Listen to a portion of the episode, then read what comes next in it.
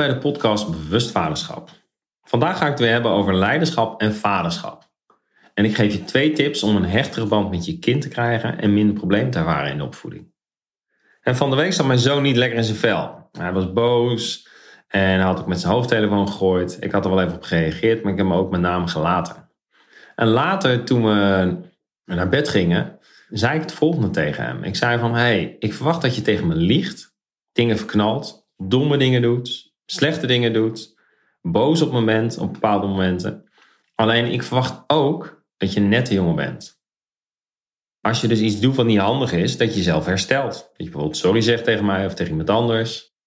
En als je slim bent, wat ik denk dat je bent, en dan blijf je open en eerlijk met me praten over wat er echt speelt. En zodat je kan helpen, maar dat jij ook jezelf kan helpen. Iedereen verknalt dingen, ik ook. Toen ik dit vertelde, zag ik echt die ogen echt heel groot worden. Moet ik liegen? Ik, zag gewoon de verwarring in zijn ogen. En die werd nog groter toen ik hem ook vertelde dat ik vroeger ook een bepaalde periode in mijn jeugd, dat ik ook snel boos werd en driftig was. En wat dat deed met hem is dat hij grote, naast grote ogen, dat hij ook ontspande. Ik zag gewoon dat het ontspanning creëerde bij hem. Want hij wilde het altijd super graag goed doen en het lukt hem gewoon niet altijd. Hij is dus ook bang dat als hij boos wordt, dat hij niet goed doet. Vervolgens ging hij dus kletsen. En dat was echt heel leuk, want hij ging dus ook bekennen. Ja, pap, ik, eh, ik heb al snoepjes gepikt. Doe nu alleen nog maar bij mama. En er kwamen nog meer bekentenissen. En dat was echt een heel mooi moment. Want herken je dat gevoel? Wellicht heb je dat ook in je relatie. Ben je de hele tijd op elkaar aan het fitten. En op een gegeven moment heb je echt contact met elkaar. En dan zeg je alles open en eerlijk tegen elkaar. En dan maakt het niks uit. En dan is alles oké. Nou, dit was ook zo'n moment. En het hielp hem dus om het oordeel op zijn eigen boosheid los te laten. Hij is dus bang als hij boos is dat hij niet goed doet. Terwijl boosheid is gewoon een emotie. En er zit een onvervulde behoefte onder. En zoals ik al in een eerdere podcast in nummer 5 al uitlegde, als je het nog leuk vindt om terug te luisteren. Kortom, hij ervaarde acceptatie vanuit mij. En het mooie signaal erbij was dat hij me ging knuffelen spontaan. Of ik hou van je zeggen. En hij vroeg me ook nog, dat was echt heel leuk, om nog meer vragen te stellen. Terwijl vaak is één vraag in deze categorie al te veel. En nu wilde hij meer vragen. Hij wilde ook in gesprek blijven. Dat is gewoon voelbaar. Hij vond het gewoon super fijn. Dus door echte open verbinding kan er dus ook echt contact ontstaan met je kind. En kan je kind daarin dus ook meeliften. Dat is in mijn beleving ook leiderschap. Dat je mensen laat meeleven lift op jouw energie, je positieve energie. Nou, in mijn vorige podcast heb ik het over leiderschap en vaderschap gehad. Nou, dit gaat dus ook over leiderschap, maar dan vanuit kwetsbaarheid en verbinding. En niet vanuit de alwetende ouder. De ouder die het altijd maar moet weten en zijn kind vertelt hoe de wereld in elkaar zit. Want het kan namelijk een enorme druk creëren bij je kind, maar ook bij jezelf. Want als ouder ben je het voorbeeld voor je kind.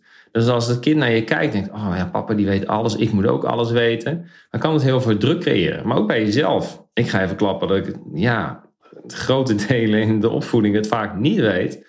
Maar wel een lange tijd heb gedaan alsof ik het wel weet. Nou, dat creëert natuurlijk heel veel druk. En wat je trouwens doet, is door jezelf in te brengen, dat doe je natuurlijk wel afgestemd op wat je kind aan kan. Het kindniveau. Een ander leuk voorbeeld is een vader die mij vertelde van de week dat hij zijn, mijn laatste podcast samen met zijn zoon was gaan luisteren in de auto. En dat hierdoor echt een heel mooi gesprek op gang kwam. Want het ging over het voorbereiden. En ze zo, ja pap, toen ben je me echt even vergeten om voor te bereiden, om mee te nemen. Kijk, sommige ouders die besluiten opeens dat ze naar de dierentuin gaan. Of naar de winkel, dat het kind mee moet. En het kind ja, moet maar volgen. En hoe fijn is het om af te stemmen, mee te nemen, samen een plan te maken. Er komt ook weer een vakantieperiode aan. En neem je kinderen mee. En kan je ook aansluiten op hun belevingswereld. En zo heb ik een keer mijn oudste zoon, ging naar Australië, hebben we een camera gegeven. Toen ging hij foto's maken om zijn belevingswereld vast te leggen. Dat was echt heel interessant om te zien waar hij dan foto's van maakt en wat hij dan ziet op een dag. Dit was de eerste tip. En dat betekent dus dat je jezelf inbrengt in het gesprek vanuit openheid en kwetsbaarheid met je kind. De tweede tip is, is dat je rekening houdt met lag time, oftewel schakeltijd. En of het nu over je kinderen of je medewerkers gaat, en je kan ze beter helpen, of vrienden, je kan ze beter helpen door rekening te houden met lectime. En een leider heeft een veel kleinere lectime om zich te herstellen. En een leider gunt ook zijn kinderen meer lectime. En met leider bedoel ik dus niet alleen op je werk, maar dus je bent ook een leider in je gezin als vader. En wat ik hiermee bedoel, is dat leiders fouten maken. En dat vaak ook een goed voorbeeld is. Want daardoor kan je weer groeien en blijf niet vastzitten in wat je altijd al deed. Alleen ze herstellen zichzelf sneller. Ze nemen sneller verantwoordelijkheid. En dat ouders soms wel eens vergeten dat kinderen geen mini-volwassenen zijn. En dit heeft ermee te maken hoe we onze kinderen aanspreken en de taal die we gebruiken. En zo zei mijn oudste zoon op een gegeven moment toen hij rond acht jaar was of zo. Die zei tegen mij van, hey pap, wat is structuur eigenlijk? Terwijl ik die jaren ervoor continu het woord heb gebruikt en de veronderstelling was dat hij dit begreep. En mijn taal was niet afgestemd op kindniveau. Of wat mijn kind begreep en aankon. Maar ook in de verwachtingen die we hebben van onze kinderen. En zo kan ik van mijn zoon verwachten dat hij na het douchen zijn natte handdoek ophangt en niet in zijn bed laat liggen. En als ik hem dat dus één of twee keer heb gevraagd, vind ik dat dat voldoende is. Vond ik dat dat voldoende is. Alleen de realiteit is dat hij het heel graag goed wil doen, alleen dat het nog steeds niet lukt. Dus ik mag het wel honderd keer vragen. En dat boos worden, straffen enzovoort helemaal geen zin heeft. Dan gaat hij alleen die, die druk ervaren, dat het niet goed doet, dat een oordeel is. Dus het vraagt geduld. Het vraagt dus saaien, investeren om er een ritueel van te maken. Net zoals tandenpoetsen. Al gaat dat ook nog niet zelfstandig, maar dat is ook prima. Dus mijn tip is nou ook, geef je kind meer puzzeltijd. Op het moment dat het vastloopt, of wat voor manier dan ook. Kijk, soms kunnen je kinderen prima direct schakelen. Hè, of direct iets doen. Alleen op z'n andere momenten hebben ze echt wel weer meer tijd nodig. En de kunst voor jou is om als ouder als vader te gaan aanvoelen, waar zit mijn kind? Als je helemaal in zijn iPad zit, kan hij niet direct tafel gaan dekken bijvoorbeeld. En hoe je dat dus doet, is door te luisteren op meerdere niveaus. En dit leer ik vaders ook in de online training. En als je dat dus doet, dan lopen zaken dus veel soepeler in huis omdat je veel makkelijker kan schakelen in het moment. Dus dat betekent niet dat je altijd maar ruimte hoeft te geven aan je kinderen. Nee, je kan afstemmen op het moment dat het nodig is. Soms is het ook juist niet nodig om ruimte te geven. Met de autogordel. Dan ga ik niet mijn kind lektime geven. Nee, dan gaat gewoon de gordel om. Het gaat over veiligheid en ander thema is gezondheid. Daar hebben we geen discussie over. Maar het mooie is dus als dat gebied van waar je regels oplegt en vertelt hoe dingen moeten, als dat heel klein is, gaan je kinderen in andere gebieden veel makkelijker mee. En belangrijk om bewust van te zijn dat in essentie kinderen het graag goed willen doen.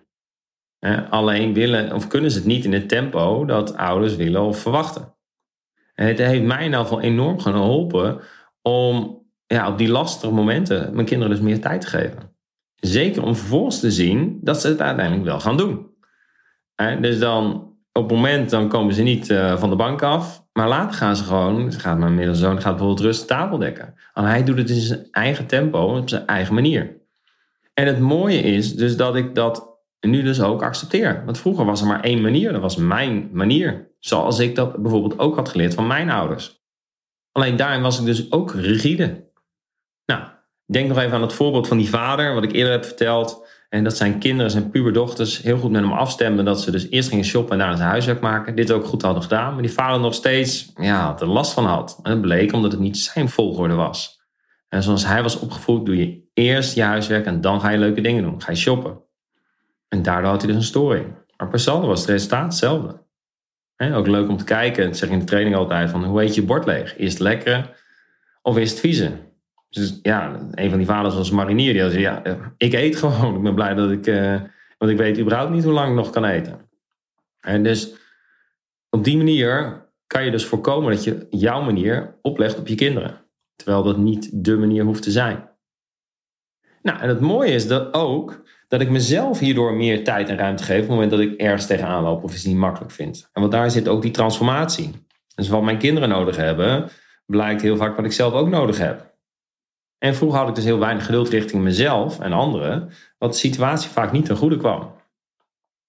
Nou, van de week las ik ook een artikel in de correspondent over waarom onze kinderen steeds minder spelen en wij met een burn-out thuis zitten. Nou, dacht ik, hé, er zit wel een kern van waarheid in. Dus dan ging ik verder lezen. In het artikel was ook een onderzoek opgenomen. Dat was een onderzoek dat in tien landen had plaatsgevonden. Is dat de meeste kinderen minder buiten komen dan gevangenen. En dat de intrinsieke motivatie van kinderen zwaar onder druk kan staan. Andere bevindingen waren bijvoorbeeld dat kinderen steeds vaker worden beziggehouden door volwassenen, door hun ouders. Met huiswerk, sport, muziek, toneel, bijles, examentraining. Het lijkt niet op te houden. Wat uiteindelijk dus ten koste gaat van die speeltijd.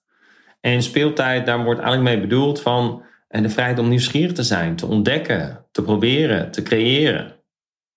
dat ze aangaven dat de grootste verschuiving was dat ouders veel meer tijd zijn gaan doorbrengen met hun kinderen. Denk aan voorlezen, hulp bij huiswerk, rijden naar voetbal. Ik had een vader en die zei bijvoorbeeld, ik lijk wel een taxichauffeur door de week. Ja, volgens het Sociaal Cultureel Planniveau, Planbureau besteden Nederlandse ouders meer dan anderhalf keer zoveel tijd aan de opvoeding dan in de jaren tachtig. En dus die betrokkenheid is heel erg toegenomen. Alleen het heeft ook effecten. En dat betekent dus dat op hele jonge leeftijd ouders zich al, van kinderen, ouders zich al steeds meer vaak zorgen maken of hun kind het wel goed doet, of hij wel meekomt, of hij wel genoeg vriendjes heeft. Een recente studie vanuit Amerika onder Amerikaanse scholieren wees uit dat 80% ervan overtuigd is dat hun ouders hoge cijfers belangrijk vinden dan vriendelijkheid en compassie. Dat gaat doorwerken, dat heeft effect op de kinderen. En het uitzicht dus ook op de manier hoe sommige ouders langs de zijlijn staan bij het sporten. En staan schreeuwen. En hiervoor heb ik nog een leuke aanrader, is de film King Richard. Het gaat over de vader van Venus en Serena Williams in de rol van Will Smith. Hij heeft er ook een Oscar voor gekregen. Waarin je heel mooi die verschillende aspecten van vaderschap, die, ja, die komen er heel mooi in terug. En onder andere een struggle, ook de struggle van ouders. En wanneer doe ik het nou goed? Maar ook zijn eigen agenda die er doorheen loopt. Eerder hebben het gehad over wiens agenda is. Nou de agenda van mijn kinderen of is het nou mijn agenda? Dat zie je heel mooi terug in die film. Maar ook het oordeel van de buitenwereld over hoe het hoort. En dus hij doet dat op een bepaalde manier en de, buitenwereld vindt er wat van. Heel veel mensen vinden er wat van. En blijf je dan bij jezelf of ga je dan luisteren naar de buitenwereld? Dus ook het spanningsveld tussen de druk van presteren en het kind nog het kind laten zijn. Wordt echt heel mooi weergegeven. Nou, in de film komen ook nog de schreeuwende en de afkeurende ouders eh, aan de zijlijn terug die volgens hem eh, opgepakt moesten worden door de politie. Was ook een leuk stuk. Nou, en wat mij raakte in deze film was dat een aantal waarden heel mooi terugkwamen. Zoals een bijdrage leveren, in dit geval aan de black community. En dat Serena en Venus Williams echt een voorbeeld waren voor de wereld. En dat heel gericht is op verbinding en dat familie ook heel erg van belang is. Ook de groei in sport, maar ook in persoonlijke ontwikkeling. Ik vond het echt indrukwekkend om te zien hoe zelfverzekerd de dames al waren op jonge leeftijd. Ja, ik wens je veel kijkplezier.